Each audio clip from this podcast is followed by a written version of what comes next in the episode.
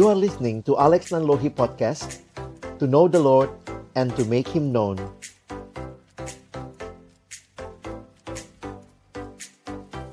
Shalom, selamat siang teman-teman sekalian. Senang banget bisa ketemu hari ini. Ini cuma ketemunya lewat Zoom ya Jadi berzumpa namanya ya.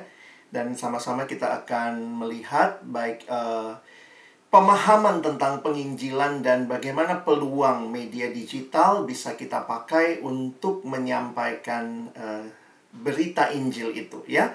Jadi nanti abang akan coba share dan saya harap ini juga bisa menjadi awal ya untuk kita berpikir lebih jauh karena uh, kalau Kak Alex sendiri menyadari kalian yang adalah generasi digital native pasti lebih kreatif menggunakan berbagai media digital yang ada ya. Jadi saya kasih kerangka berpikirnya dan nanti ada waktu bisa diskusi ya. Yuk kita berdoa. Tuhan terima kasih kalau kami memahami anugerahmu di dalam hidup kami. Engkau membawa kami menjadi murid-muridmu yang mengenal engkau bertumbuh di dalammu. Dan terima kasih kalau Tuhan berikan beban bagi kami juga untuk menyampaikan kebenaran kepada orang-orang di sekitar kami. Khususnya di kalangan siswa. Biarlah siswa menjangkau siswa menjadi kerinduan kami juga. Yang sudah mengenal berita Injil boleh menyampaikannya kepada orang-orang di sekitar kami. Waktu ke depan kami persembahkan ke dalam tangan pengasihanmu Tuhan yang memimpin baik hambamu yang memaparkan setiap kami yang mendengar dan juga diskusi di antara kami. Berkati seluruh jaringan perangkat yang kami gunakan, dalam nama Tuhan Yesus kami menyerahkan sesi ini. Amin. Saya coba share screen apa yang saya siapkan. Jadi ini sebenarnya beberapa hal yang saya gumulkan juga di dalam uh, pemahaman ini. Sebenarnya kalau lihat ya salah satu uh, yang abang lakukan juga semester ini saya mengajar di salah satu STT ya dan mata kuliah yang saya ajarkan adalah teologi dan praktek penginjilan. Jadi sebenarnya ini sangat singkat waktunya ya, hanya 50 menit ke depan. Tapi poin saya begini ya, ini pengantar yang tadi Abang bilang di dalam doa ya untuk teman-teman memikirkan. Kalau dengan mahasiswa saya ya, saya harus belajar dengan mereka 14 kali pertemuan dong ya, sebagaimana kuliah umumnya 14 kali pertemuan plus 1 UAS satu UTS jadi totalnya 16 kali itu satu semester ya hitungannya. Nah, apa yang mau kita lihat sama-sama? Saya mau mulai dengan beberapa data ya. Perhatikan beberapa data yang diambil atau disurvei oleh uh, yang namanya BRC ya, Bilangan Research Center. Jadi awal tahun ini Bilangan Research Center melakukan sebuah survei dan ini beberapa hasil berkaitan dengan penginjilan ya. Dan yang dia survei juga termasuk anak muda di dalam gereja. Perhatikan datanya ya. Katanya satu dari tiga anak muda Kristen Indonesia menganggap bahwa semua agama menyembah Tuhan yang sama. Wah ini gimana ini ya? Kalau bicara penginjilan terus kita bilangnya Ah kita kan nyembah Tuhan yang sama. Makanya sesi awal tadi mau menegaskan Kalian harus yakin kekristenan itu sebagai apa yang kamu yakini Anugerah Tuhan dan di dalamnya itu rasional, itu relevan, itu relasional. Kalian harus memahami itu. Lihat lagi datanya ya satu dari tiga anak muda Kristen menganggap bahwa perbuatan baik saja dapat menyelamatkan. Wow, kalau ini pemahamannya, ini lumayan kritis juga. Satu dari tiga. Nah, saya harap teman-teman yang di sini tetap punya keyakinan yang mendalam bahwa keselamatan adalah anugerah Allah, bukan perbuatan baik kita. Perbuatan baik itu respon karena sudah selamat, bukan syarat supaya selamat. Ini mesti jelas. Ini datanya lagi satu dari empat anak muda Kristen Indonesia mendukung pernikahan beda agama. Waduh, ya. Nah, ini data-data yang satu sisi menarik, satu sisi menyedihkan. Satu dari dua orang Kristen Indonesia tidak aktif memberitakan Injil kepada orang lain dalam tiga bulan terakhir. Nah, ini balik lagi ya. Saya nggak tahu kalian masuk di sini kah? Karena ini sebenarnya surveinya lebih umum, ya. Bukan hanya orang muda tapi orang Kristen Indonesia. Satu lagi. Satu dari lima orang Kristen Indonesia menganggap bahwa penginjilan kepada teman adalah hal yang tidak baik. Janganlah lakukan penginjilan. Nanti kita bikin dia kayaknya terganggu, malah nggak sahabatan. Jadi banyak yang merasa penginjilan itu merusak persahabatan. Nah ini balik lagi, mengerti, memahami sebenarnya apa sih penginjilan. Apakah itu kristenisasi? Oh tidak, ya. Karena itu abang ingin mengajak kita melihat uh, dalam waktu yang terbatas, melihat secara cepat lima hal. Saya tidak banyak bicara digitalnya dalam pengertian begini. Saya bisa kasih beberapa contoh, tetapi teman-teman itu tidak bisa tidak. Digital itu cuma platformnya. Itu adalah sarananya, tapi kalian perlu tahu isinya. Memang salah satu yang sulit bikin konten itu memahami apa isi kontennya ya. Kalau bikinnya mah gampang. Anak sekarang belajar Canva, belajar InShot, bisa bikin segala macam, pakai uh, KineMaster, pakai apa bisa lah. Tapi poinnya apa sih yang mau disampaikan? Nah, saya lebih tertarik bicara itunya. Karena kalian dalam kekreativitasanmu, saya pikir kalian bisa untuk melakukan lebih jauh. Tapi apa sebenarnya yang mau disampaikan? Apa sih isinya berita Injil? Bagaimana menyadari sang pemberita Injil? Bagaimana memahami penerima Injil? Lalu bagaimana prosesnya dan kita lihat nanti beberapa metode penginjilan ya. Kita lihat dulu memahami berita Injil. Tentu ini bukan hal yang baru karena kalian sudah paham bahwa berita Injil adalah berita keselamatan ya yang di dalamnya kita melihat bahwa Allah telah datang ke dalam dunia menyelamatkan manusia dari dosa ya. Maaf ini saya keluar sebentar. Oke. Jadi memahami berita Injil bahwa ini adalah sebuah berita sukacita. Perhatikan ketika Yesus lahir, malaikat berkata, "Inilah berita kesukaan besar bagi seluruh bangsa." Kadang-kadang untuk mengerti apa berita kesukaan besar, kita perlu dulu mengerti apa sih berita duka cita terbesarnya. Roma pasal yang ketiga ayat 23 mengatakan inilah berita duka cita terbesar di bawah kolong langit ini. Karena semua orang telah berbuat dosa dan telah kehilangan kemuliaan Allah tanpa kecuali. Perhatikan kata semua orang. Dan apa akhir cerita dari hidup di dalam dosa? Roma 6 ayat 23 mengatakan sebab upah dosa ialah maut. Kadang-kadang kalau disuruh hafal Roma 6 ayat 23, coba ingat apa Roma 6 ayat 23? Sebab upah dosa ialah maut. Teman-teman jangan lupa itu cuma Roma 6 ayat 23 A-nya. Kalian perlu hafal B-nya juga karena sebenarnya berita sukacitanya yang B-nya. A-nya itu berita duka cita sebab upah dosa ialah maut. Tetapi karunia Allah ialah hidup yang kekal dalam Kristus Yesus Tuhan kita.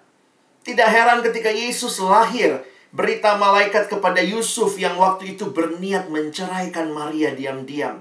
Malaikat katakan, "Iya, Maria akan melahirkan anak laki-laki dan engkau Yusuf akan menamakan dia Yesus karena dialah yang akan menyelamatkan umatnya dari dosa mereka."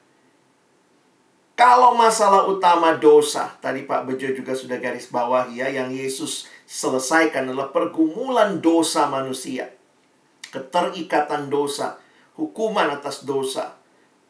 Maka waktu lahir juru selamat, wow, itu adalah berita suka cita. Jadi secara sederhana kalau kita lihat apa itu Injil, nah beberapa definisi dituliskan, saya mengutip ini ya. Fokus utamanya kepada pribadi Yesus. Menarik sekali bahwa isi berita sukacitanya itu adalah Yesus. Ya di mana secara utuh kalau kita baca seluruh Alkitab, Allah melalui kematian dan kebangkitan Kristus memperbaharui manusia berdosa dan seluruh ciptaan agar diperdamaikan dengan Allah dan dapat hidup bersama Allah dalam langit yang baru dan bumi yang baru. Inilah berita sukacita yang perlu didengar oleh dunia dan siapa yang butuh? Semua butuh. Kenapa? Karena yang berdosa adalah semua manusia berdosa dan kehilangan kemuliaan Allah. Jadi teman-teman, kalau kita saja orang Kristen yang sudah mengalami berita Injil, tidak memberitakan Injil, saya jadi bertanya juga begitu ya, apakah kita mengerti Injil itu? betapa urgennya manusia butuh berita itu. Aduh kak, tapi nanti merusak persahabatan. Aduh kak, tapi nanti saya jadinya dibenci orang. Teman-teman, resiko-resiko itu ada. Tetapi sebelum kita bicara resiko itu, maka perhatikan kamu sadar nggak bahwa ini berita yang dibutuhkan oleh semua orang. Dan nanti dalam kita belajar bagaimana menginjili, saya pikir di situlah kita belajar juga bagaimana menyampaikannya dengan baik, bagaimana menyampaikannya dengan tepat, sehingga ya kita meminimalisasi resiko itu. Tapi bukan berarti tidak ada resiko. Saya pikir setiap kali orang diperhadapkan dengan sebuah berita, maka ada selalu resiko ya, baik dia mau terima, tidak mau terima, dia marah, dia mungkin tidak senang dengan kita. Tapi poinnya adalah kita sadar dulu nggak berita ini memang benar-benar harus disebarkan, harus didengarkan. Kalau sebenarnya kita nggak yakin beritanya ya saya tutup aja dalam doa karena ngapain juga kita bicara lanjutannya. Bicara beritanya saudara nggak yakin kamu tidak melihat ini sebagai berita yang penting. Ini berita yang menentukan hidup mati kekal manusia. Saya ulangi. Berita yang menentukan hidup mati kekal manusia. Yohanes 3 ayat 16 kita hafal karena begitu besar kasih Allah akan dunia ini sehingga ia telah mengaruniakan anak tunggal supaya setiap orang yang percaya kepadanya tidak binasa. Jadi Yesus yang kehadirannya di dalam dunia menuntut respon setiap orang, percaya atau tidak. Kalau percaya, dia beroleh hidup kekal. Kalau tidak percaya, maka binasa. Binasa itu sesuatu yang kekal. Binasa terpisah dengan Allah selama-lamanya. Jadi coba kita hayati ya, pentingnya berita ini. Mungkin ada yang nanya, tapi saya nggak yakin sama iman saya. Saya nggak yakin, makanya tadi ada sesi di awal ya. Kalau kalian masih bergumul dengan sesi yang di awal, saya pikir juga ini akan mempengaruhi tentunya ya. Kamu meyakini nggak beritanya untuk disampaikan. Tapi saya yakin itu proses. Lewati proses itu. Kalau teman-teman ada yang masih ragu, masih bingung gitu ya. Tapi lewati proses itu dan coba lihat bagaimana butuhnya berita itu oleh dunia. Karena berita ini menentukan nasib kekal manusia. Dan perhatikan ya, Tuhan tidak menyampaikan berita itu di langit. Kadang-kadang kan kita yang mungkin memang dasar malas penginjilan ya. Tuhan Yesus coba langsung di langit tertulis Yohanes 3:16 karena begitu besar kasih Allah langsung semua lihat langsung seluruh dunia bertobat. Saya pernah dapat pertanyaan itu dari seorang anak SMA. Kalau Tuhan Maha Kuasa kak, kenapa dia nggak bikin semua langsung bertobat? Saya bilang Tuhan mau kamu nggak malas dia bertobat ketika kau sampaikan berita Injil. Jadi jangan minta mujizat aneh-aneh demi supaya kita jadi tidak penginjilan karena rasanya kalau saya yang ngomong, aduh Tuhan kalau engkau berkuasa, engkau saja yang ngomong. Please. Tuhan Yesus kembali ke surga. Bagi saya menarik. Kenapa dia mesti kembali ke surga? Karena dia mempercayakan berita Injil itu kepada kesebelas murid. Yang meneruskan itu kepada gereja yang meneruskan itu kepada kita sampai hari ini.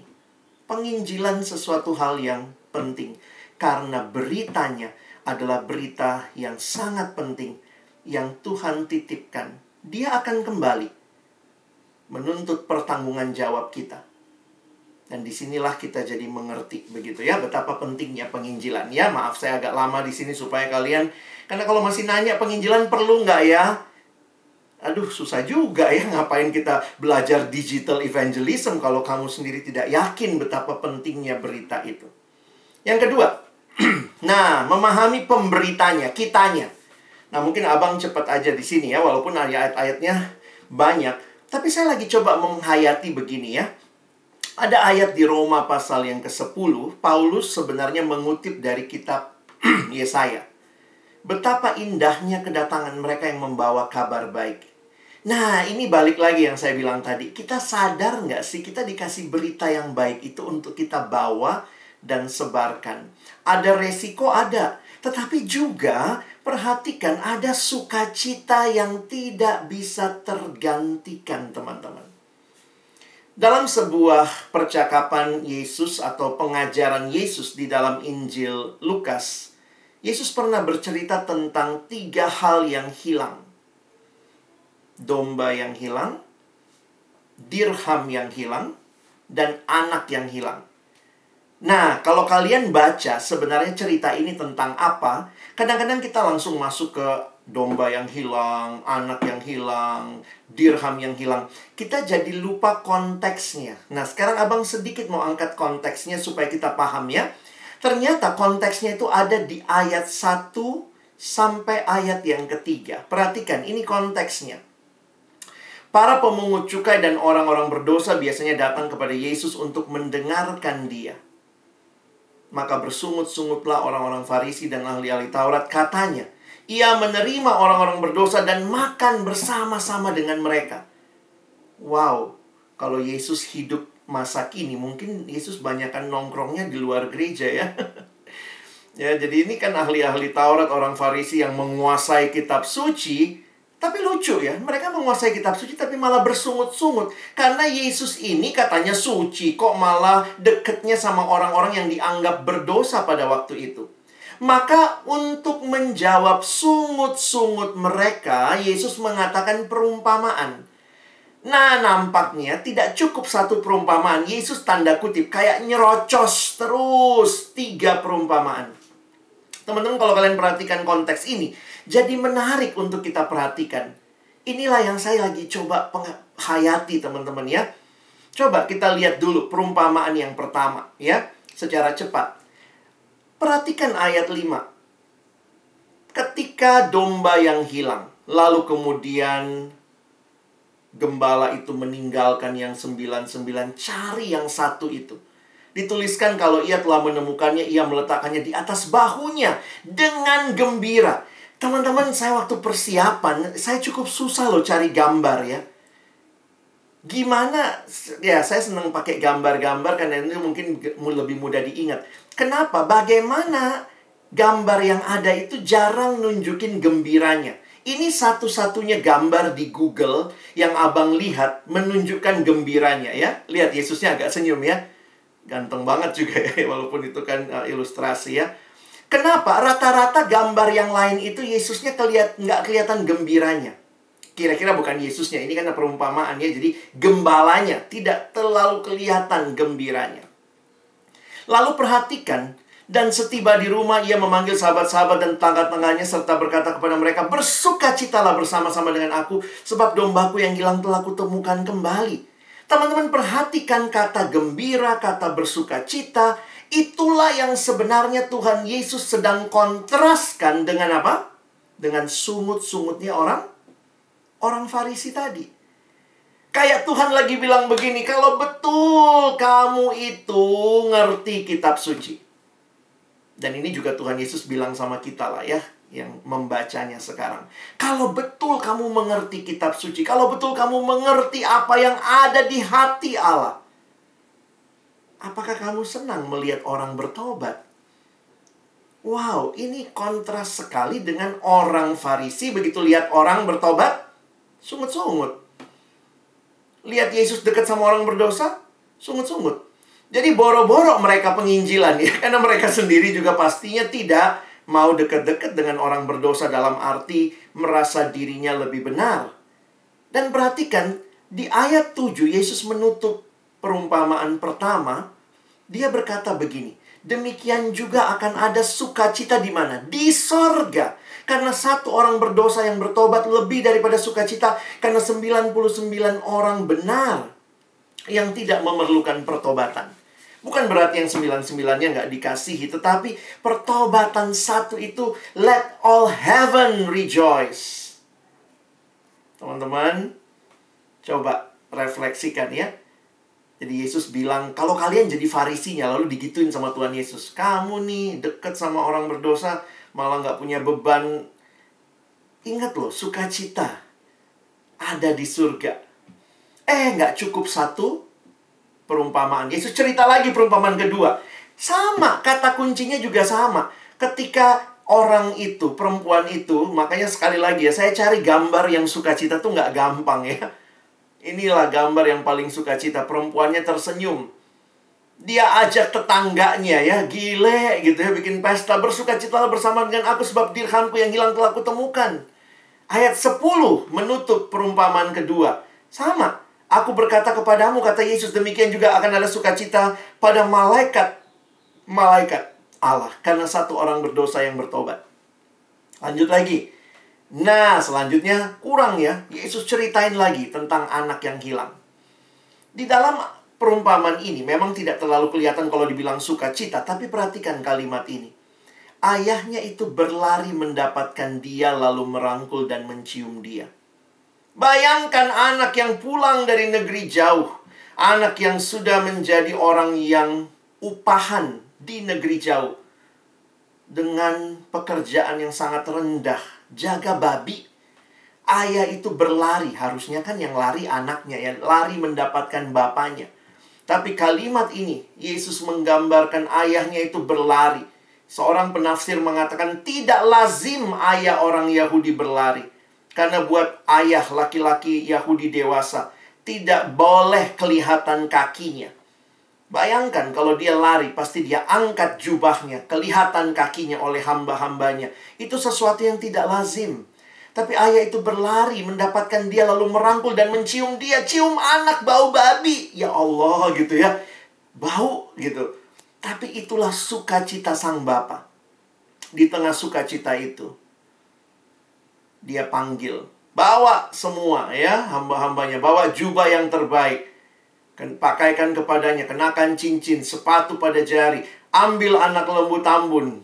Marilah kita makan dan bersuka cita. Ayat 24. Anakku telah mati menjadi hidup kembali, telah hilang dan dapat kembali, maka mulailah mereka bersuka cita. Kalau kalian baca, semua perumpamaan itu menggambarkan sukacita. Eh, abangnya pulang. Malah nggak sukacita, ya.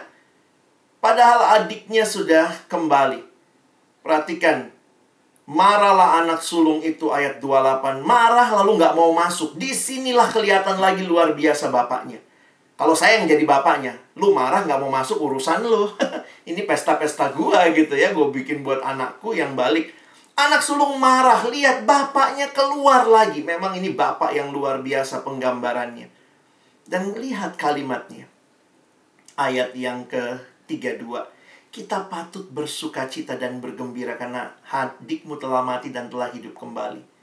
Ia telah hilang dan didapat kembali. Teman-teman saya tidak tahu bagaimana hatimu untuk orang-orang yang tidak kenal Tuhan. Bagaimana hatimu buat mereka yang belum kenal kasih Tuhan. Tapi kalau kamu lihat perumpamaan ini, God's love for the lost is really, really great.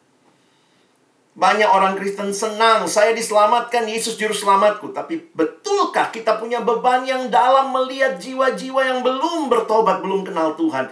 Dan akhirnya punya kerinduan yang dalam, bahkan punya sukacita yang meluap ketika melihat bagaimana Tuhan membawa mereka bertobat. Makanya ada satu kalimat yang menarik ya bilang begini. Kalau kamu sudah lama tidak bersuka cita yang sesungguhnya, mungkin karena kamu sudah lama nggak penginjilan. karena ketika engkau menginjili, lihat gambaran sukacitanya. Wah, sudah sekian lama jadi orang Kristen. Apakah Tuhan sudah bekerja dalam hidupmu? Jangan pernah berhenti pada dirimu. Tanyakan, apakah hatiku seperti hatimu Tuhan? Apakah sukacitamu Tuhan juga menjadi sukacitaku? Kalau sukacitanya Tuhan, Yesus yang kita bilang Tuhan kita, Juru Selamat kita adalah ketika orang-orang berdosa berbalik dari dosa, kembali kepada Tuhan, terima Yesus. Ini juga nggak sukacita kita. Hai teman-teman semua, hai para TPS, para staff, para siswa, para pengurus sekolah. Apa sih sukacita kita? Find your lost joy by rejoicing with God. God rejoices when sinners repent. Kenapa abang lama di sini ya dua hal ini? Karena saya meyakini begini. Saya ajarin kamu digital evangelism. Saya ajarin kamu berbagai metode penginjilan. Kalau kau tidak punya hati mengerti pentingnya berita itu, kalau kau tidak punya hati mengerti pentingnya jiwa di hadapan Tuhan yang karena itu Tuhan Yesus mencari mereka, dan sukacita itu meluap. Nggak ada guna ya. Penginjilan yang pertama dan terutama adalah beban kepada mereka yang terhilang. Kalau bicara metode, gampang kok. Tinggal lihat di YouTube tuh ada semua. Tapi sering kali yang kita kehilangan. Jadi masalahnya bukan masalah digital kah? Masalahnya uh, ini online atau offline. Bukan itu masalahnya. Karena kalaupun ketemu langsung, kamu tidak punya beban untuk jiwa yang terhilang. Jangan mimpi bisa menikmati sukacita. Kenapa ada rockris di sekolah-sekolah? Cuma sekedar ada kegiatan? atau sungguh-sungguh merindukan melihat pertobatan perubahan hidup jiwa-jiwa sehingga pengurus menikmati melakukan itu dengan sukacita mempersiapkan ibadah dengan sukacita memberi kalau adik-adik angkatan baru masuk penjangkauan dengan sukacita. Kenapa? Saya rindu mengalami sukacitanya Yesus melihat jiwa-jiwa yang baru kepadanya. Kalau tidak kita kayak cuman main itu ya Ya kita cuma main rock rockris rockrisan gitu ya. Iya deh kamu jadi iya deh kamu ketua ketuaan ya. Aku jadi uh, seksi acara seksi acaraan. Oh nanti ini jadi jemaat jemaatan. Kita cuma main main rock rockris rockrisan lah. Main stufel stufelan. Tapi kalau kamu punya beban, maka kau akan pikir bagaimana dia bisa kenal Injil. Bagaimana secara digital saya rindu dia kenal Tuhan. Wah itu muncul tuh. Jadi poin saya adalah begini seribu metode digital kamu tahu, tidak punya beban, maka tidak akan bergerak. Tetapi kalau kamu punya beban, maka kamu akan bergerak. Walaupun belum tahu metode, saya belajar, nonton YouTube, lihat apalagi yang bisa dilakukan. Bagaimana belajar Canva biar bisa menyampaikan dengan baik. Pilih gambar yang bagus. Beban itu melahirkan kerinduan untuk belajar, belajar, belajar, bagi, membagi. Tapi kalau nggak ada beban, hari ini ih tadi diajarin ini loh sama Bang Alex diajarin ini itu. Oh udah. Terus udah selesai. Tapi saya minta kita diam sebentar ya. Dalam waktu satu menit ini berdoa minta beban itu sama Tuhan. Berikan aku hati. Seperti hatimu Tuhan. Karena sia-sia webinar ini kalau tidak ada hati seperti hati Tuhan. Mari semua diam di hadapan Tuhan. Berdoa minta beban itu supaya aku punya hati seperti hatimu Yesus. Mari berdoa secara pribadi.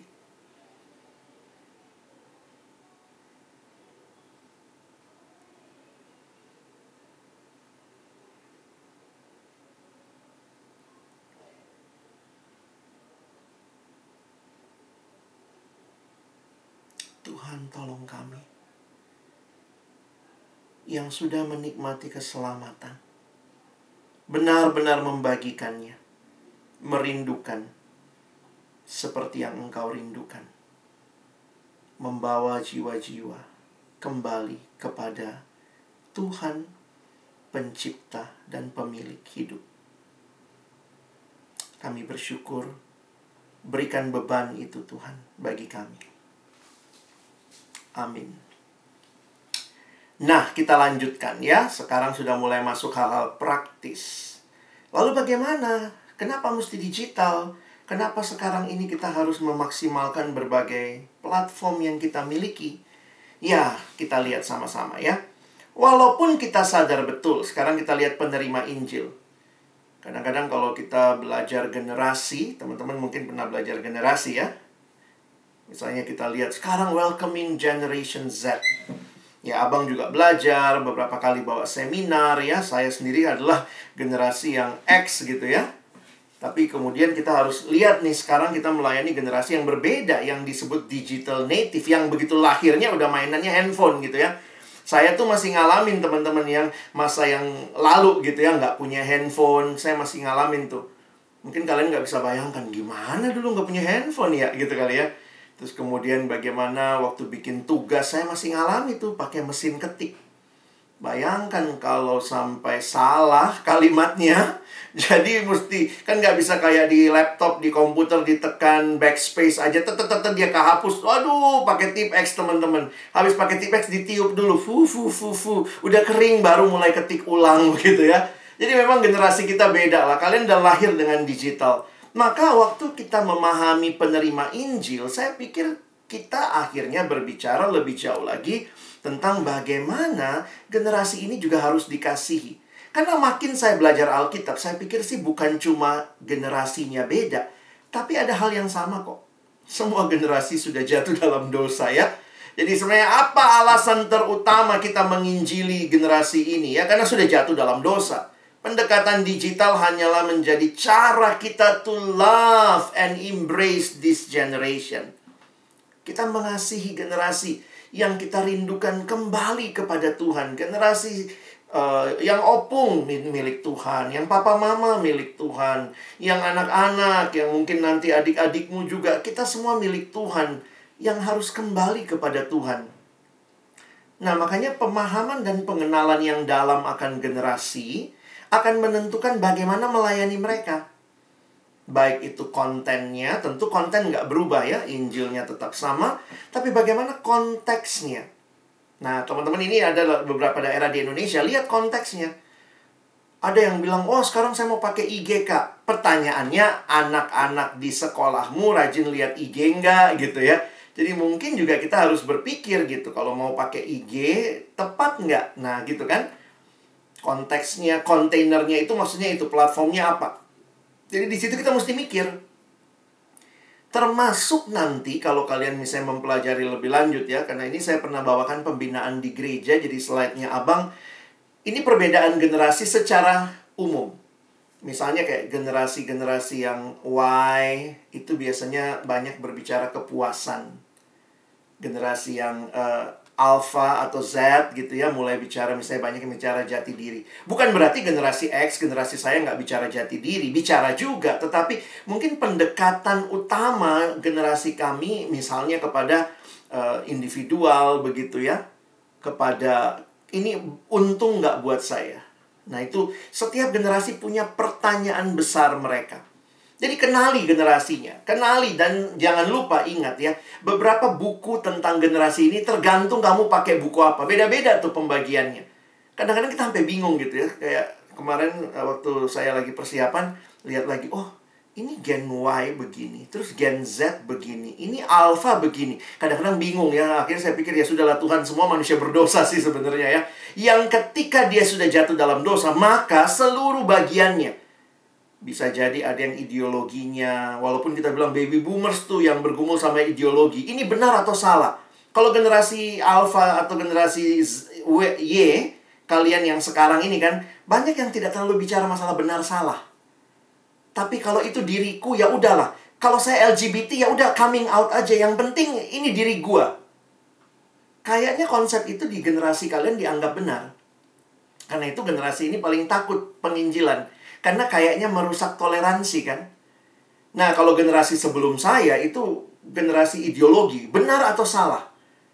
Jadi setiap generasi yang sudah jatuh dalam dosa dengan penekanan masing-masing itu punya tantangan masing-masing sehingga penginjilannya kita harus melihat seperti apa nih. Makanya saya bagi bagi saya sendiri akhirnya melihat gini ya. Teman-teman jangan heran loh, metode penginjilan juga makin banyak. Kenapa? Karena berusaha mendekati setiap generasi dengan tepat. Nah, kira-kira seperti itu ya.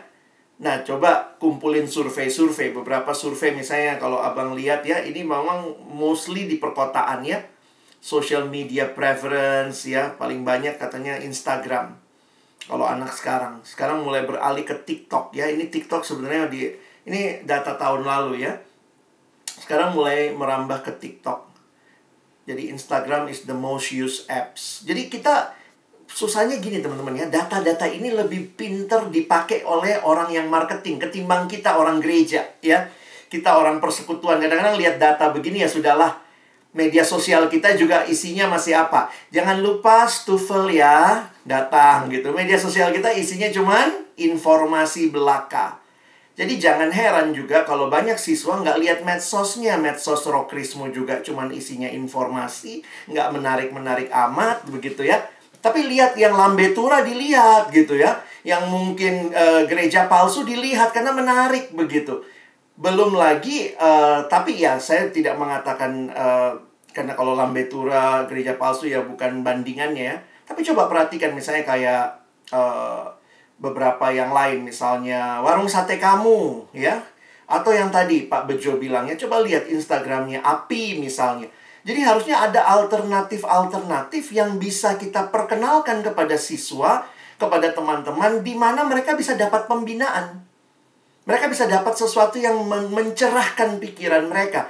Karena medsosnya telah dibakai dengan baik. Bukan cuman uh, kadang-kadang lihat medsos uh, pelayanan persekutuan rokris sekolah cuman minggu ini siapa pembicaranya? Datang ya kui gitu ya. Besok ya minggu depan datang lah kui. Cuman gitu doang gitu ya. Nggak ada yang mengelola medsos dengan baik.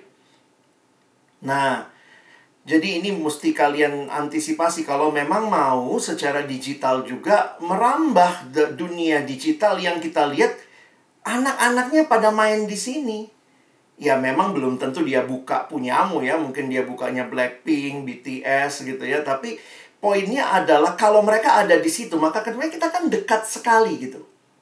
Kalau kamu mau mancing tentu mancinglah di kolam yang banyak ikannya. Jangan mancing di bak mandi. Ya. Nah saya sekarang poin saya adalah rata-rata rokris sekolah-sekolah PSKJ wilayah semua uh, punya medsos. Tapi medsosnya untuk apa? Nah, itu tuh. Kita perlu duduk sama-sama, mikirin. Enggak, kami tetap bang. Kami medsosnya tetap untuk informasi. Kalau kalian yakini itu, ya silakan. Tapi kalau kalian lihat, waduh, medsos kita, kenapa sedikit yang mampir? Ya, isinya cuma informasi. Di Japri dapat, lihat di medsos dapat. Terus apa gunanya lihat medsos kamu gitu ya? Nothing special, nggak ada yang ditambahin gitu. Nah, belum lagi beberapa sekarang udah mulai masuk podcast ya Walaupun saya pikir ini juga ya terlambat juga sih kalau kita mau mulai ya. Tapi ya tentu tidak ada hal yang sia-sia kalau kita serius, tekun begitu ya. Jadi konklusi-konklusinya ini sebenarnya dari sebuah uh, ini market research ya. market research punya punya report. Poin saya adalah coba baca-baca teman-teman, lalu pikirkan gitu ya apa yang mau dipakai dan sebagainya. Nah, Abang kasih sesuatu di balik ini. Saya kasih filosofinya ya. Kenapa Kenapa generasi ini senang dengan medsos? Kenapa generasi ini senang untuk tampil dan kayaknya kok milihnya ini? Ya, Insta, TikTok ya. Nah, sebenarnya ada satu teori yang disampaikan oleh seorang ahli yang dia juga mengambil teori dari dunia sekuler yang mengatakan generasi digital itu punya singkatan yang disebut epic generation.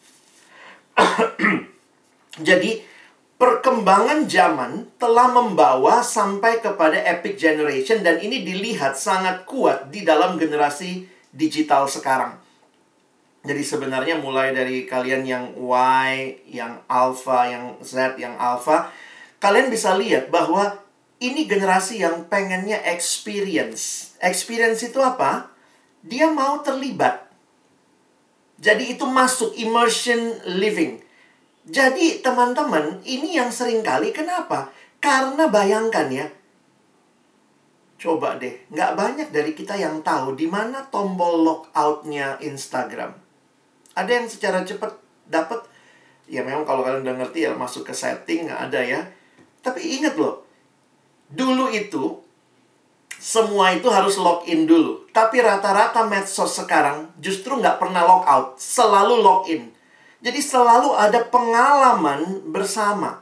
Pengalaman yang dinikmati. Jadi sebenarnya medsos ini berjalan bersama kamu. Bisa real time, bisa lihat langsung status yang diupdate temen. Experiential, dapat pengalamannya. Jadi kadang-kadang abang pikir ya dari mana orang-orang medsos ini memakai pemahaman-pemahaman ini ya. Dia dapatnya dari hasil research ini generasi yang senangnya experience. Maka, lihat. Ini dipakai sama mana? Sama medsos. Participatory. Oke, kamu, kamu yang sedang posting. Tapi saya bisa share ulang. Saya bisa repost. Nah, itu participatory. Oke, saya bisa nambahin. Dulu saya saya ikut Instagram itu teman-teman dari awal-awal lah ya. Jadi abang uh, Instagram itu sudah sudah cukup lama. Dan saya ikutin tuh Instagram dari awalnya cuma posting feed. Eh kemudian berkembang lagi di feednya bisa komen. Eh pertama bukan komen pertama cuma bisa kasih like. Dan dia nggak kayak Facebook ya dia cuma ada like nggak ada unlike gitu. Terus kemudian berkembang mulai ada respon terhadap feed terus kemudian kalau kalian lihat story story itu baru sekitar empat tahun terakhir mulai ada Instagram story. Terus kemudian habis story ada ask me question. Kenapa? Karena dia baca nih generasi yang pengen berpartisipasi. Jadi ada ada space untuk respon. Jadi kalau orang bilang, "Kenapa anak sekarang senangnya main medsos?" Saya bilang mungkin karena mereka menikmati semua yang mereka pengen dapatnya di situ. Jadi dia ikut berpartisipasi membuat konten. Dia jadi konten provider, bukan cuma jadi orang yang mengkonsumsi. Makanya kadang ada yang repost, ada yang tambahin komen, ada yang cuma tambahin stiker. Tapi dia merasa dia berpartisipasi. Image driven. Sekarang tuh banyak. Teman-teman tahu yang di googling tahun berapa ya? Ya apa yang paling banyak dicari? Dulu kan ada apa kata yang paling banyak dicari di Google ya? Kalau kalau saya nggak salah ingat tahun lalu apa dua tahun lalu bukan kata yang paling banyak tapi emoticon ya ini generasi yang mengekspresikannya pakai emot begitu Makanya kadang-kadang kalau ditanya apa kabar dek, diem semua. Begitu kita tampilin gambar ya, coba pilih dari emoticon ini mana yang menjadi kabarmu hari ini. Langsung aku yang ini nih, aku yang sick mau muntah, aku yang keluar tanduknya. Ini generasi yang secara khusus di, di drive oleh image. Karena itu perhatikan bahkan Instagram sudah mengeluarkan pemahaman bahwa mereka berhenti jadi uh, konten untuk posting gambar still image mereka akan masuk ikutin TikTok ke arah ke arah membuat video. Karena itu mereka masuk mulai tahun ini dengan reel, ya. Reelnya itu reel sudah bisa gitu ya. Beberapa orang saya lihat udah main dengan reels juga.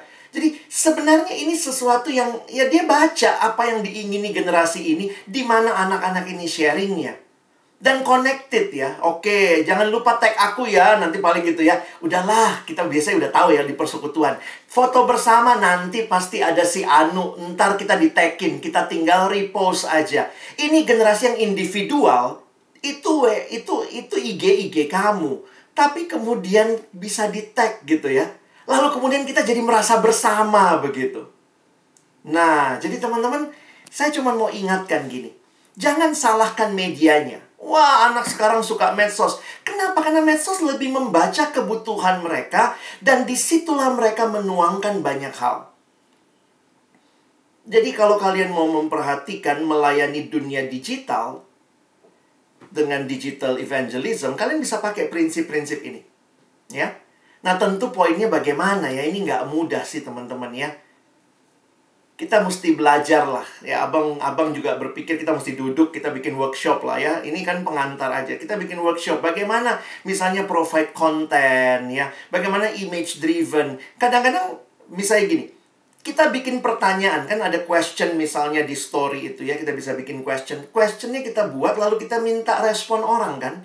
Dari situ kan poinnya kita dapat tuh masukan orang. Nah kita mesti pikirin misalnya bikin pertanyaannya apa Ya, nanti kalau kalian lihat lah beberapa medsos sekarang saya lihat lagi berkembang karena ada yang ngurusin, ada tim-tim yang mengurusi daripada medsosnya isinya cuman uh, jangan lupa datang ya kui ya tanggal segini ibadah ini pembicaranya siapa. Kalau cuman itu dan tiap minggu cuman itu. Jadi nggak ada orang yang bakal ke situ kalau dia punya pertanyaan ternyata dijawab di dalam fitnya misalnya. Beberapa waktu yang lalu uh, warung sate kamu menulis tentang bunuh diri Wah menarik tuh, saya pikir kita repost aja.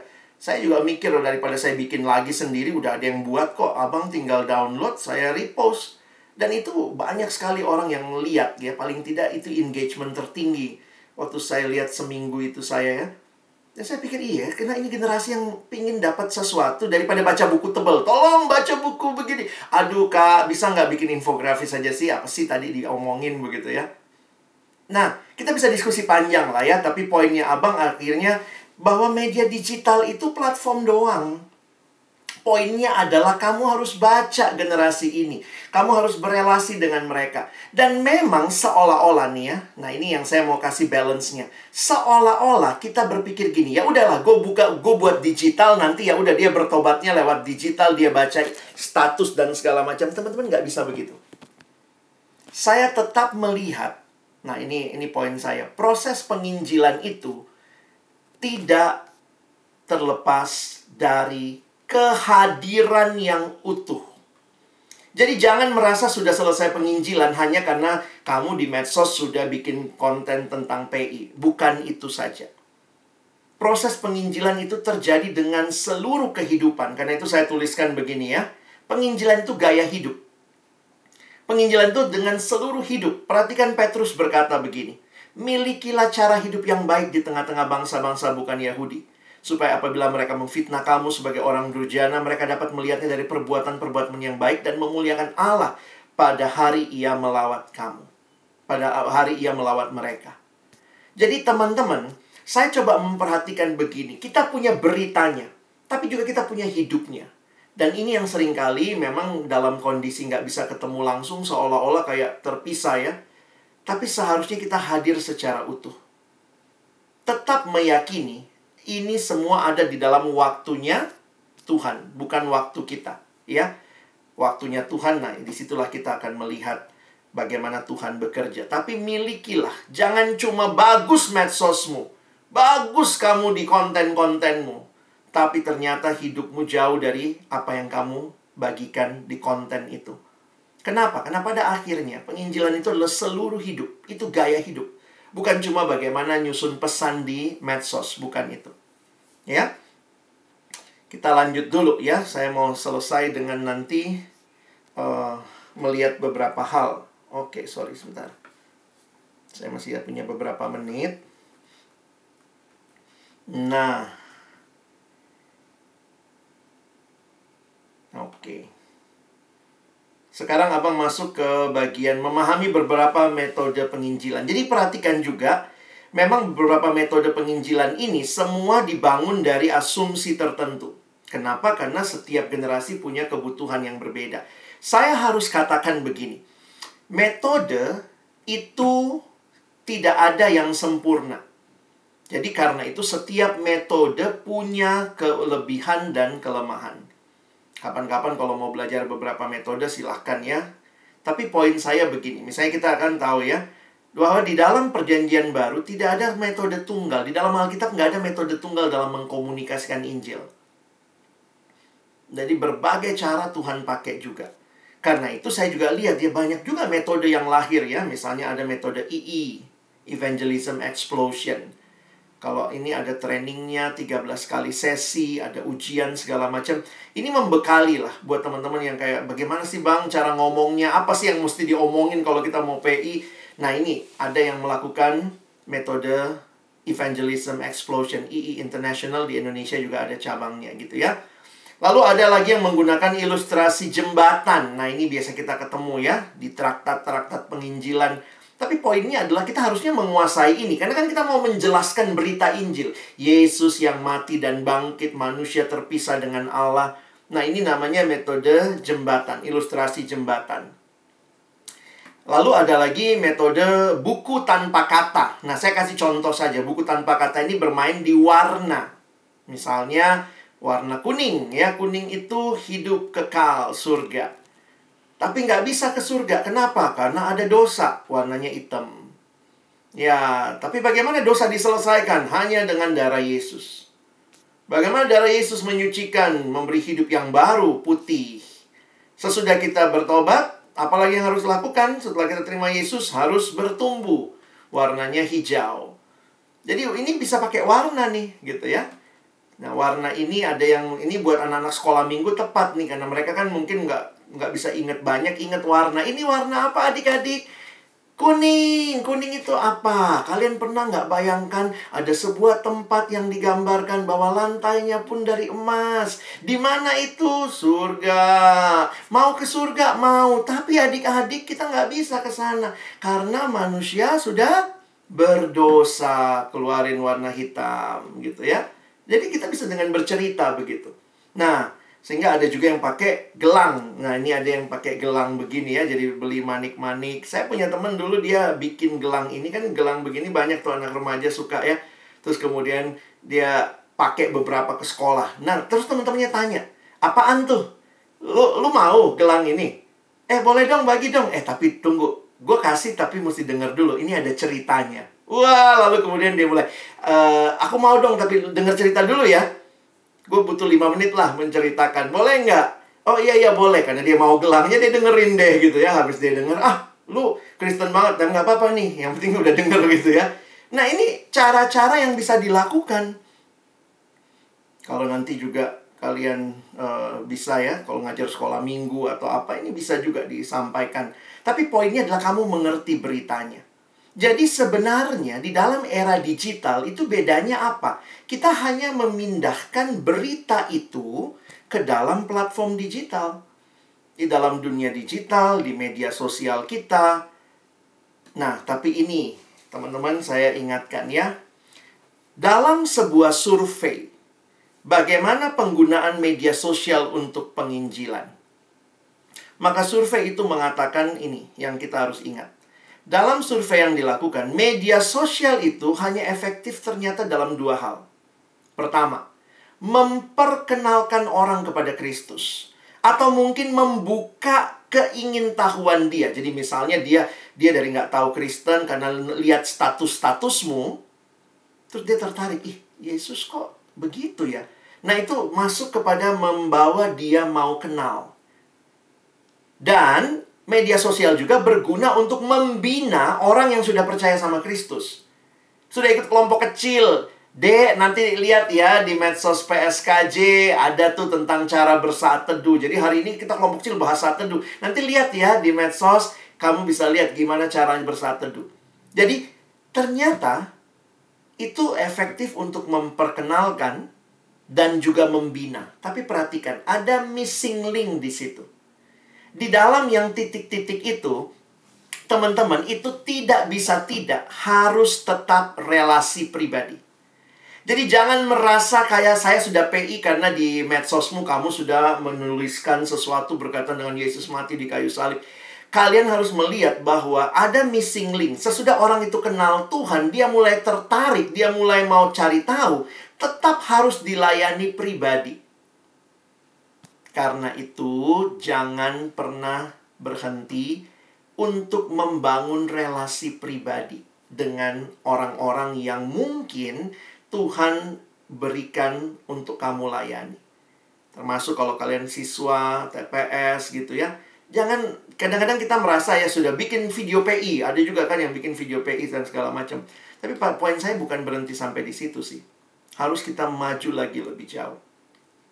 Nah, sebagai bagian yang terakhir mungkin sebelum kita diskusi, saya coba mengajak kita melihat Tuhan itu tidak minta sesuatu yang kita nggak punya, teman-teman. Itu mungkin secara simpel lah ya. Tuhan tidak minta apa yang kamu nggak punya. Jadi apa yang kamu punya, sekarang mulai pikirkan bagaimana menggunakannya untuk menyampaikan Injil. Dan tidak selamanya kita mesti buat baru. Nah, dalam sebuah pelatihan tentang penginjilan sederhana lewat media sosial, ada seorang teman yang kasih tips begini. Mungkin kita bisa begini ya kalau kita punya teman, kita bisa bersaksi. Nah, ini kita mesti belajar bersaksi ya. Eh, kemarin aku nonton video bagus banget deh. Boleh nggak saya kirim sama kamu?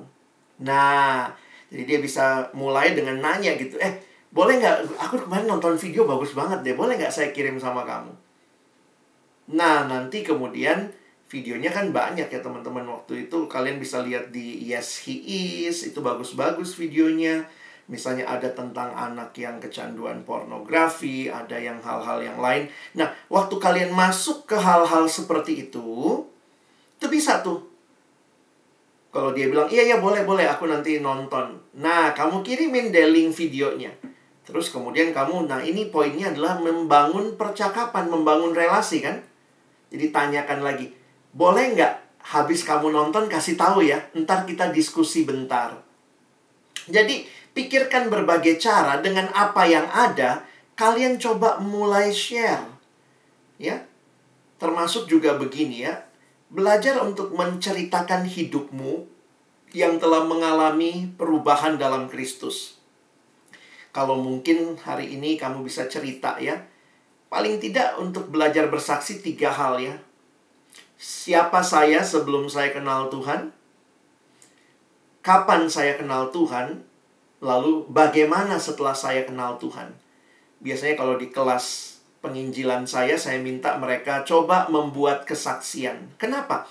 Karena kesaksianmu, cerita hidupmu, ternyata bisa jadi menjadi cerita yang juga Tuhan bawa untuk merelasikannya dengan cerita temanmu. Ya, saya lihat ini uh, belajar evangelism as a story, teman-teman ya. Kita itu semua kan pasti punya cerita dan kita punya cerita dalam perjalanan kita. Dan ingat, kita lagi berjalan bersama-sama. Kalian sama-sama anak SMA. Apa sih masalah anak SMA? Waduh, nyontek misalnya. Maka kamu mungkin bisa cerita bagaimana Tuhan membangun hidupmu dari yang dulu tukang nyontek menjadi anak yang gak nyontek lagi. Kalian bisa ceritakan dengan sederhana. Kenapa? Karena kalau ceritamu dibaca oleh temanmu yang juga sedang berjalan bersama, sama-sama remaja, mungkin punya pergumulan yang sama. Saya meyakini ini ya. Ada tiga cerita yang selalu overlapping. Pertama ceritanya Allah, ceritamu, dan cerita orang lain. Ini selalu terkait. Jadi sebenarnya penginjilan itu adalah bagaimana saya dan ceritanya Allah, cerita saya dan cerita Allah, Allah yang telah mengubah hidup saya, ketika saya menyaksikan itu bisa juga membawa orang lain untuk melihat hidupnya dengan Allah. Saya kasih contoh. Seorang teman yang menggunakan tiga itu ya. Coba nanti habis ini kalian bisa coba di medsosmu. Bikinlah tiga paragraf singkat. Bagaimana kamu sebelum kenal Tuhan? kapan kamu kenal Tuhan dan sesudah kamu kenal Tuhan. Karena ini mungkin kamu mau share sesuatu yang lebih personal. Oke, kamu angkat satu poin. Poinnya apa? Sakit hati, sulit mengampuni. Nah, kamu bisa cerita. Ceritamu apa? Pengampunan. Ya, jadi ini belajar membuat cerita ya, men menyaksikan. Nah, ini, tapi ini poinnya kalian mesti ngalamin ya. Kalau nggak ngalamin, kamu jadi bohong ya. Tapi saya ngalami tuh, sulit mengampuni ketika kemudian saya cerita dulu, saya pendendam. Saya ingin justru balas lebih kejam sama orang lain. Sampai satu waktu, nah ini caranya juga nggak usah cerita. Saya ikut KKR, di KKR itu saya bertobat angkat tangan. Karena kalau yang baca ceritamu umum, mungkin kamu cuma bisa menggunakan pengalaman. Namun ketika satu waktu, saya ikut sebuah acara dan di dalam acara itu saya mendengarkan pembahasan dari seorang pembicara misalnya tentang betapa luar biasanya hidup yang mengampuni. Maka, nah, belum tentu kita harus sebutin Yesusnya ya, tapi itu mungkin bisa pelan-pelan.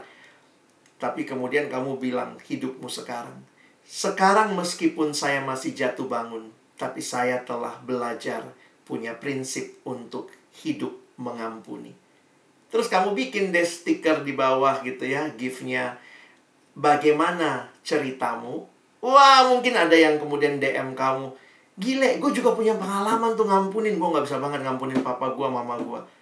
Dari situ kita bangun cerita. Karena ceritamu yang telah diubah oleh Tuhan. Mungkin ceritamu tentang mengampuni, tentang nyontek, tentang terlibat pornografi. Kalau kamu belajar untuk mengemas ceritamu dengan baik, itu menjadi cara Tuhan membawa orang mendengarkan bagaimana dia bisa berubah karena Tuhan Yesus. Mungkin dia waktu bahas gitu, dia DM kamu, kamu bisa balas gitu. Wow, lu ngalamin pergumulan yang sama Wih, gue dulu kayak begitu. Tapi sekarang aku udah lebih lega. Gue sekarang udah gak menyimpan kepahitan. Dan di situ kamu bisa bersaksi. Tanya, boleh nggak saya cerita kenapa? Oh, boleh, boleh, boleh. Karena udah ada jembatannya ya. Lalu kemudian kita mulai cerita. Ini karena Tuhan Yesus. Wah, lu Kristen banget sih. Ya nggak apa-apa. Kan gue, gue nanya tadi, boleh cerita nggak? Kamu bilang boleh. Ini ceritaku. Gimana ceritamu? Tuhan Yesusku ternyata dia terlebih dahulu mengampuni aku. Karena itu, aku dimampukan mengampuni. Eh, ada video bagus nih, cari di Yes, Yes He Is. Eh, aku kirim ya videonya, coba deh lu tonton. Nanti habis tonton kita diskusi ya. Mungkin kalau waktu diskusi dia bilang, wah itu mah Kristen banget, agama nggak, nggak kayak gitu. Tapi paling tidak, itu benih yang kamu tabur. Dan pada waktu Tuhan, saya yakin Tuhan sanggup membawa dia kepada pertobatan. Jadi bagian kita tuh bersaksi teman-teman. Bertobat itu urusan dia sama Tuhan dan dalam waktunya Tuhan. Nah jadi kira-kira seperti itu ya kalau saya coba membayangkan pakai apa yang ada sama kamu.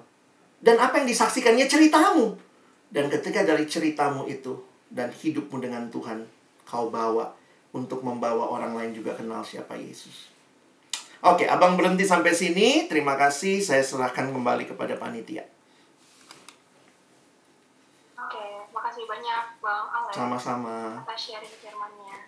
Sekarang teman-teman kita ada sesi tanya jawab selama kurang lebih 20 menit ke depan. Dan uh, mau ngingetin sebelum ada sesi tanya jawab ini, mau ngingetin bagi pemenang uh, kuis tadi untuk segera hubungi Kak Eris ya. Tadi udah dikirim kontaknya sama Kak Ocek di chat. Oke. Okay. Uh, Uh, sekarang teknis bertanyanya, jika teman-teman ada yang ingin menanyakan, silahkan chat aku secara personal di Zoom atas nama UI underscore Fanya. Nanti akan kubacakan pertanyaannya dan nanti Bang Alex yang jawab, gitu ya. Oke. Okay. Oke, okay. uh, eh, Bang Alex ada pertanyaan pertama. Hmm. Uh, uh, gimana caranya buat ngalangi ngilangin rasa takut sama ketidakpercayaan diri kita. Hmm. Karena kalau membagikan sesuatu di media sosial tentang Kristus, entah lagu, renungan, atau sekedar repost, kadang ngerasa, duh nanti dikira terlalu rohani atau fanatik banget. Hmm. Uh, satu sisi sebenarnya media sosial itu sifatnya pribadi tapi publik ya itu unik lah itu medsosmu itu IG-mu tapi semua yang kamu posting jadi milik publik. IG sendiri atau mungkin Facebook, medsos kemudian mengerti itu lalu kemudian mereka membuat yang namanya close friend. Jadi hanya bisa dilihat oleh orang-orang yang kamu pilih untuk melihatnya. Saya sih belajar untuk begini ya. Nah, teman-teman ini ini ini sesuatu pergumulan lah ya. Saya tidak bisa mengatakan kalian harus sama seperti saya. Saya belajar untuk tidak menyembunyikan identitas saya sejak awal. Jadi apa yang saya posting di medsos itu dilihat oleh semua yang follow saya. Kenapa? Karena sejak saya mengerti bahwa sebenarnya kita kan seneng ya punya follower ya. Tapi sebenarnya pernah kita pahami gini nggak? Apa sih gunanya punya follower? Poinnya bukan berapa banyak follower yang kamu punya. Tapi kamu mau bawa mereka untuk follow siapa? Nah, buat saya pribadi, ya ini medsos saya, saya lagi follow Yesus, saya memposting apa yang saya nikmati bersama Yesus. Dibilang fanatik, ya itu imanku gitu ya. Karena iman itu kan tidak bisa dikatakan berdasarkan judgement orang begitu. Seseorang yang misalnya rajin sholat lima waktu, tapi dia nggak posting gitu ya. Itu kadang-kadang saya lucu ya lihat orang Kristen ya kita mah takut padahal itu medsos medsos kita. Kita takut dianggap rohani. Teman kita mungkin dia sholat lima waktu nggak dianggap fanatik kita kok malah takut di medsos kita sendiri. Nah poin saya adalah belajar untuk uh, ya saya nggak tahu kalian mesti bergumul lah. Kalian mau identitas apa yang ditampilkan dan hati-hati kalau identitasmu bagi saya hati-hati kalau kita ngumpetin ya karena kita kan ada di negara yang sebenarnya tidak terlalu masalah kalau kita menyatakan iman kita. Lebih baik dari awal orang tahu kamu Kristen sungguh-sungguh daripada kamu kayak menyembunyikan lalu temenmu ngajak nyontek, ngajak nonton film porno mulai ikut. Nanti tiba-tiba satu waktu kamu mau serius, sungguh-sungguh orang bilang, "Alah, dulu juga." Bagi saya yang menjaga saya adalah sejak awal nyatakan aja saya anak Tuhan gitu. Dan nggak ada yang masalah fanatik. Kita nggak ada kok yang terlalu mencintai Tuhan. Yang ada adalah Tuhan yang sangat mencintai kita. Nah itu yang sebenarnya bisa kita bagikan. Mungkin itu kali deh ya secara singkat. Oke, makasih Bang Alex. Semoga penanya bisa merasa terjawab ya. Sama uh, ini Bang saya, ada pertanyaan. Saya tambahin sedikit deh saya tambahin sedikit ya. Tadi oh, yang abang bilang, makanya biasanya di dalam kelas untuk membagi kesaksian, kita belajar crafting our testimony. Eh, crafting our testimony itu tidak selamanya langsung ngomong Yesus ya. Enggak. Itu tadi lihat yang saya coba belajar cara crafting. Jadi kita menyatakan bagaimana perubahannya, mungkin perubahannya. Nah, itu di dalam metode di evangelism explosion, dia bilang itu namanya uh, menabur apa? Kalian tahu gini ya, kuda itu, kuda kalau mau minum, uh, kita nggak bisa maksain kuda, kepalanya kita dorong ke air, ayo minum begitu ya. Itu bakal kamu ditendang kuda katanya.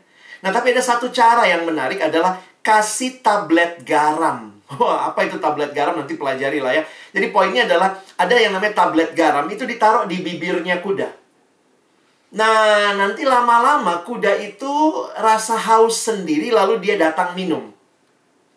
Nah, metode evangelism explosion di dalam crafting your testimony menolong kita mengatakan kita buatlah orang itu mau tahu tentang apa sih yang bikin kamu berubah jadi bukannya kita langsung kasih tahu. Nah ini masalah metode lagi ya.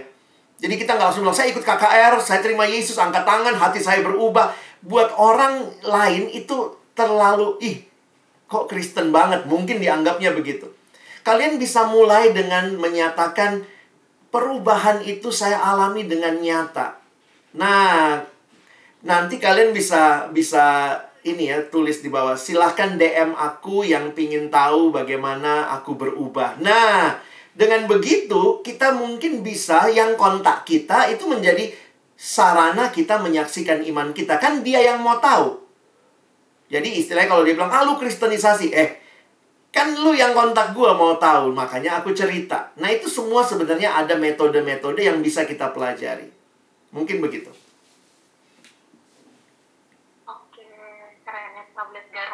Thank you, Bang. Uh, pertanyaan berikutnya sebenarnya uh, agak mirip-mirip. Jadi hmm. tuh uh, kalau aku ngeliat pertanyaan pertanyaan dari orang-orang tuh sebenarnya lagi bergumul sama takut takut dijudge gitu, malah takut dikatain gitu. Nah, ini pertanyaan berikutnya, bagaimana cara kita melakukan penginjilan tanpa dicap sebagai kristenisasi di dalam kehidupan sehari-hari? Dan sebenarnya kalau misalnya dicap kristenisasi, kita harus apa sih, Bang? Ini makanya tadi ya, sebenarnya abang jelasin agak lama di awal tadi, karena saya lihat itu masalah banyak dari kita. Kamu sendiri harus yakin, ini bukan kristenisasi.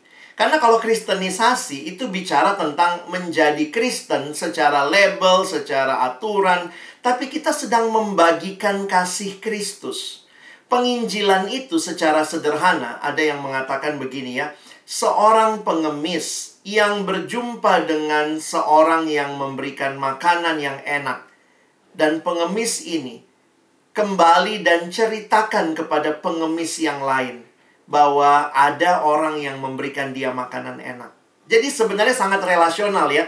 Penginjilan itu bukan masalah metode, bukan masalah uh, merusak relasi, tapi poinnya adalah ini adalah sesuatu yang dia butuhkan.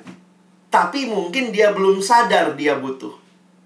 Jadi bagaimana perjalanan ini makanya kalau kalian uh, kayaknya kapan-kapan kita harus training training metode ya. Saya harus ajarin satu dua metode supaya kalian tahu bahwa kalau kalian belajar metodenya itu nggak dianggap kristenisasi. Semua kita permisi. Boleh nggak saya cerita? Ini abang kasih contoh ya metode EE misalnya. EE itu poinnya adalah menceritakan, tapi kan pakai tablet garam. Nah, EE pakai pendekatan mati. Nah, itu memang agak serem ya. EE pakai pendekatan mati.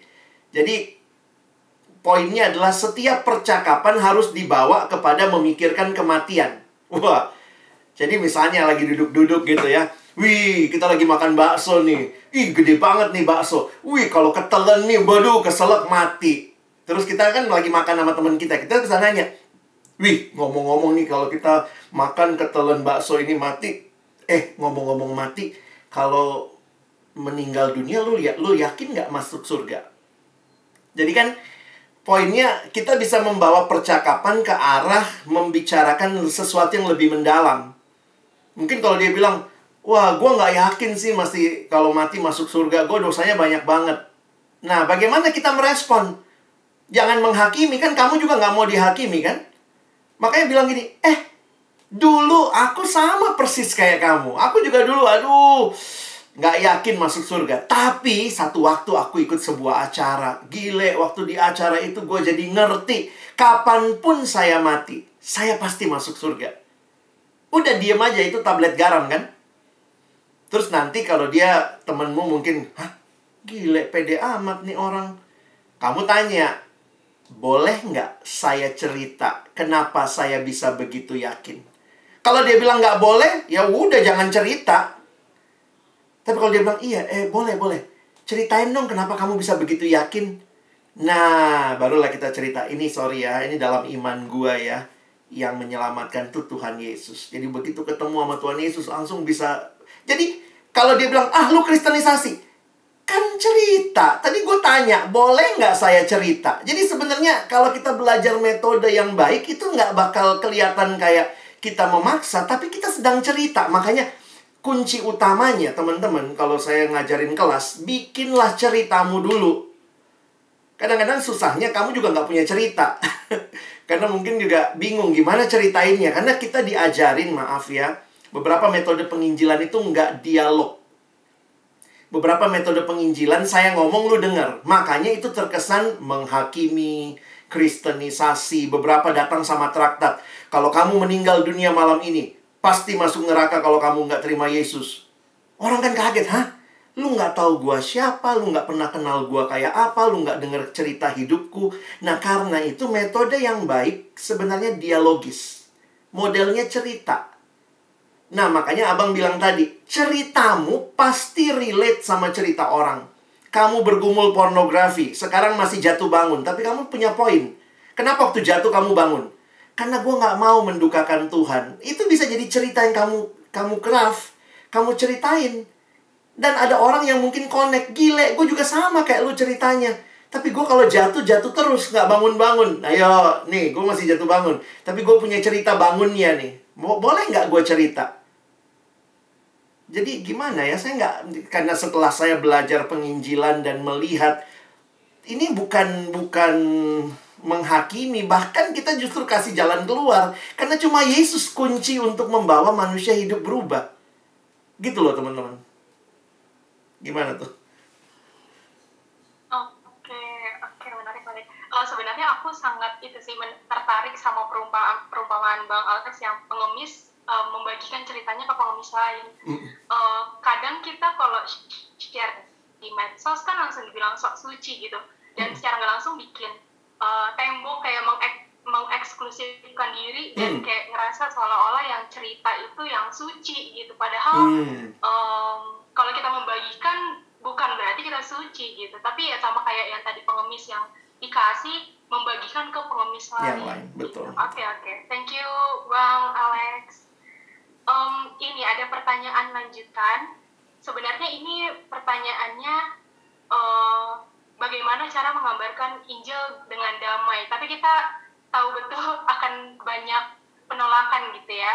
Okay. Bang Alex boleh cerita nggak sekali eh, satu atau dua cerita um, ngerasa waktu nge mengabarkan Injil tuh malah ditolak terus bagaimana Bang Alex menyikapinya?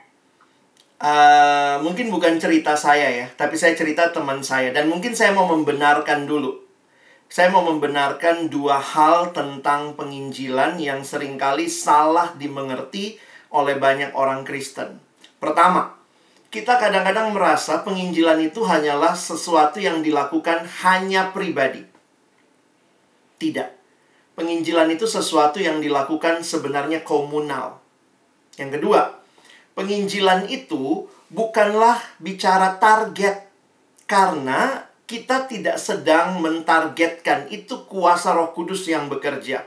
Karena itu ada kalimat ini ya. Sebenarnya slide saya masih banyak teman-teman cuma nggak sempet lah ya tapi ini pas ditanya jadi saya kasih sekalian ceritanya. Teman-teman ingat, sayangnya memang begini. Beberapa metode penginjilan, khususnya yang dari Amerika, itu kan berasumsi bahwa kita bisa ngomong apa saja kepada siapa saja. Sementara buat kita di negara-negara yang kita itu minoritas, kita nggak bisa tuh tiba-tiba di kayak di Amerika di Times Square langsung bilang if you are not believe in Jesus you will die and go perish gitu ya. Karena itu saya agak takut dengan penginjilan model target dan saya lihat itu banyak terjadi di Indonesia. Jadi pertama, penginjilan dihayati sebagai sesuatu pekerjaan satu orang. Yang kedua, seolah-olah harus ada target orang itu bertobat. Padahal sekali lagi, kita bagiannya menabur. Dia bertobat, dia kenal Yesus, terima Yesus, itu pekerjaan roh kudus. Makanya sometimes God is slower than our timing. Kelihatannya. Sometimes He is faster than our timing. But He is always better than our timing. Nah, Bagaimana mengerti yang tadi? Kita lihat yang pertama dulu. Penginjilan itu bukan seorang diri.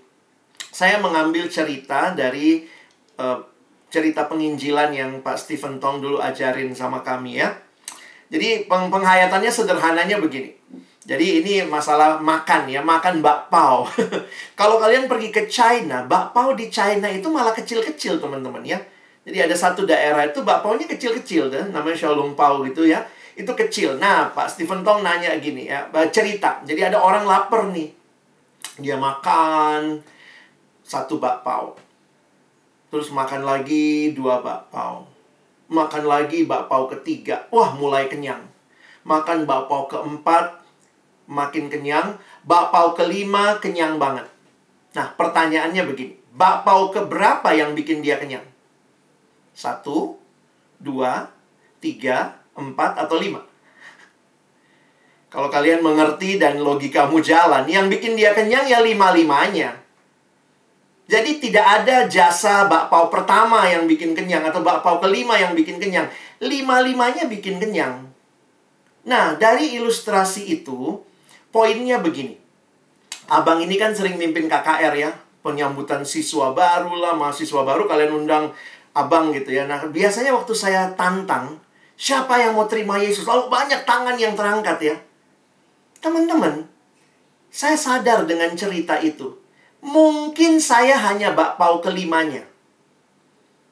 Saya itu hanya bakpao kelima buat orang itu. Yang menantang dia. Tapi memang yang kelihatannya yang bikin kenyang yang mana? Yang kelima ya. Siapa yang dapat nama besar? Wah, Bang Alex kemarin eh, KKR banyak yang bertobat. Jadi siapa yang dimuliakan? Kesannya yang nantang terima Yesus. Tapi kamu sadar nggak? Saya waktu menyadari, ternyata waktu saya tantang terima Yesus, bisa jadi orang itu bakpao pertamanya siapa? Orang tuanya. Bakpao keduanya mungkin guru agamanya di sekolah. Bakpao ketiganya mungkin penginjil di gerejanya Bapak keempatnya mungkin guru agamanya di SMP. Saya itu cuman bapak kelima yang waktu nantang pas dia terima Yesusnya pas saya. Tapi sebenarnya siapa yang Tuhan pakai? Nah, poinnya adalah begini. Kita rata-rata maunya semua jadi bapak ke lima. Maunya jadi pembicara KKR semua ya. Tapi jangan-jangan dalam proses penginjilan yang panjang ini, Teman-teman mungkin hanya jadi bakpao pertama buat orang itu. Dan lakukan itu dengan baik. Makanya, nah ini yang saya agak takut cara pikirnya gini. Saya PI supaya dia bertobat jadi Kristen. Bagi saya, pemahaman itu, apalagi kalau itu jadi individual, membuat kamu jadi terbeban gitu. Jadi takut mau ngomong pun takut karena kayaknya harus menangkan dia. Poinnya adalah bersahabat dengan wajar. Nah, di sinilah letak cerita saya. Jadi sebenarnya ini di dalam penginjilan ini disebut dengan angle scale. Kalau kalian pernah belajar uh, angle scale ini di dalam penginjilan, dalam teori penginjilan ini disebut juga. Anggaplah orang itu terima Yesus di nomor 10 di nomor 10 dia terima Yesus. Tetapi kan sebelum dia sampai ke nomor 10 ada nomor 1, nomor 2, nomor 3. Dan Tuhan menghadirkan teman-teman bersama dengan orang itu dalam perjalanannya. Bisa jadi kamu nomor 10-nya. Kamu yang tantang dia. Tapi bisa jadi kamu cuma nomor 1. Nah, gambar ini pun masih dianggap kurang karena itu ada lagi yang memodifikasi angle, angle scale ini mulai dari negatif misalnya ya ini si Grant Skeldon dia bikin nih. Misalnya dari negatif nih ya. Kalau negatif nah abang kasih contoh aja biar gampang ya saya pakai cerita. Ini teman saya dia tetanggaan sama seorang yang radikal agama tertentu. Jadi tetangganya ini radikal. Setiap kali, nah teman saya membiasakan setiap kali pulang dari luar kota, itu pasti uh, bawa oleh-oleh termasuk buat tetangga. Jadi dia sebenarnya baru di kompleks itu. Jadi waktu dia pindah dia kalau setiap kali apa-apa pasti bawa oleh-oleh buat tetangga itu. Teman-teman, ternyata tetangganya itu benci banget sama orang Kristen ya. Jadi dia beberapa kali menemukan makanan yang dia kasih ke tetangganya, besoknya itu pernah dia lari, lari pagi, eh ada di ada di tempat sampah. Nah, coba kamu taruh orang itu di angle scale yang ada minusnya. Kira-kira dia di nomor berapa ya? Mungkin boro kalau nol itu terima Yesus, nol itu misalnya terima Yesus, ini boro-boro terima Yesus deh. Ini benci sama kekristenan. Anggaplah dia minus 10. Kalau kamu ketemu orang yang dalam angle scale kamu lihat dia minus 10, apa yang harus kamu lakukan? Langsung bilang, kalau kamu nggak percaya Yesus, kamu mati masuk neraka. Nah, di sini nih, celurit. Apa yang harus dikatakan? Di dalam Alkitab, satu Petrus bilang tadi, miliki cara hidup yang baik. Jadi teman saya dari pemahaman ini, dia terus saja dia terus berbuat kebaikan. Jadi boro-boro ngomong Yesus. Belum, orang ini masih anti sama orang Kristen. Masih minus 10. Terus dia bagi. Jadi saya bilang, kamu gimana? Tetap sih bang, kalau tiap kali pergi, ya kasih tetap sama dia. Tapi kalau dibuang, ya kasihnya nggak usah terlalu banyak bang. Karena selalu dibuang gitu menurut dia. Sampai satu waktu, karena tetanggaan, malam-malam rumahnya diketuk. Ternyata tetangganya ini kena stroke malam-malam. Sehingga teman saya punya mobil dan istri tetangganya minta tolong anterin ke rumah sakit. Singkat cerita, malam itu diantar ke rumah sakit dengan mobil teman saya, suaminya itu tertolong. Teman-teman lihat apa yang berubah. Sekarang jadi lebih baik. Karena merasa ditolong. Jadi teman-teman, dia bergerak dari minus 10, sekarang mungkin pindah agak jauh, minus 7. Tapi belum mau terima Yesus. Wah, belum masih jauh dari terima Yesus. Dia masih belum belum merasa perlu untuk terima Yesus. Dari minus 10, yang dulu merasa semua orang Kristen bunuh aja, mati aja. Sekarang berubah jadi minus 7. Ada loh orang Kristen yang baik. Lihat ya, sudah bisa dengar Injil? Ya, ini kepekaan kita ya. Dan teman saya, teman-teman, akhirnya dia bilang ya, dia tetap kasih makanan kalau dia pergi dari luar kota ya.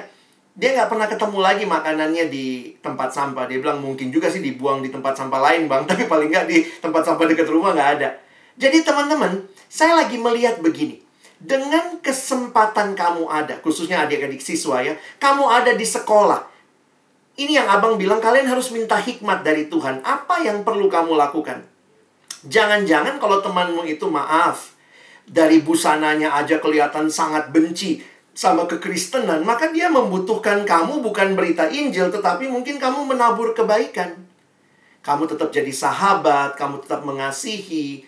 Itu jadi sesuatu yang saya yakin Tuhan bisa bawa. Karena tidak semua orang langsung ke nol terima Yesus lalu bertumbuh. Nah, karena itu, lihatlah. Siapa tahu kamu bakpao pertama, siapa tahu kamu bakpao kedua. Tidak semua kita bakpao kelima, tidak semua jadi pembicara KKR kan? Jadi, ini yang Abang bilang tadi, penginjilan itu bukan tugas individual, tapi tugas semua orang Kristen yang bersaksi bersama supaya makin banyak orang yang dekat ke titik nol dan akhirnya boleh terima Yesus. Tetapi itu semua dalam proses. Dan targetnya apa? Kita nggak bertargetkan karena kita merindukan, kita menyaksikan tentang Yesus. Nanti kalau dia udah terbuka, maka kita masuk ke beritanya.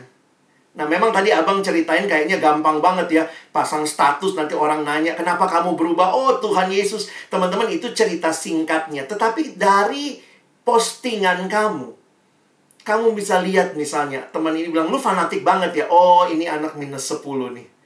Berarti sama orang ini aku mesti seperti apa? Teman-teman itu semua butuh hikmat. Nah, tapi kira-kira pengalaman itu membuat saya menyadari dua hal tadi. Penginjilan bukan tugas individu, dikerjakan oleh satu orang, dia bakpao pertama sampai lima. Yang kedua, penginjilan bukan target. Jadi, kalaupun kamu di SMA, maaf, tidak membawa satu orang pindah dari agamanya jadi Kristen, tidak masalah. Itu bukan target. Tapi kamu sudah lakukan nggak menabur benih itu? Kamu sudah membagikan nggak kebaikan karena engkau diubah oleh Yesus? Dan itu bisa Tuhan pakai di waktunya Tuhan. Paling tidak dia bisa bilang begini. Gue pernah punya teman SMA kok Kristen, tapi anaknya peduli sama gue Wah itu udah satu poin waktu mungkin ada orang lain 20 tahun lagi cerita Injil sama dia. Langsung dia bilang, puji Tuhan, bapak pertama gua yang bikin gua tertarik sama Kristen karena ada teman bangku gua di SMA yang ternyata dia mengasihi gua. Kira-kira cerita itu mudah-mudahan menolong teman-teman melihat dua hal tadi ya. Oke, makasih banyak Bang Alex. Sama-sama. Ya, uh, pertanyaannya udah selesai, Bang. Uh, kalau bisa aku simpulin, uh, ada tiga poin penting gitu ya dalam penginjilan. Yang pertama, sebenarnya metode itu bukan fokusnya, tapi kontennya, yaitu berita Injilnya. Dan yang kedua, penginjilan bukan bicara target, sama kayak Bang Alex bilang, ya pertama nggak ada ruginya gitu ya. Uh, bisa aja nanti uh, yang tadinya minus 10 jadi minus 7 gitu. Walaupun tetap minus sih tapi uh, dia makin dekat ke nol dan bilangan positif itu. Itu kok jadi matematika? Uh, penginjilan eh terus poin yang ketiga penginjilan itu komunal nggak sendirian. Oke makasih banyak ya bang Sama-sama. Alex untuk sharing firman dan uh, udah menjawab beberapa pertanyaan teman-teman. Semoga kita uh, terberkati ya sama sharing ini. Aku sama Bang Alex pamit undur diri. Um, aku serahin ke MC J.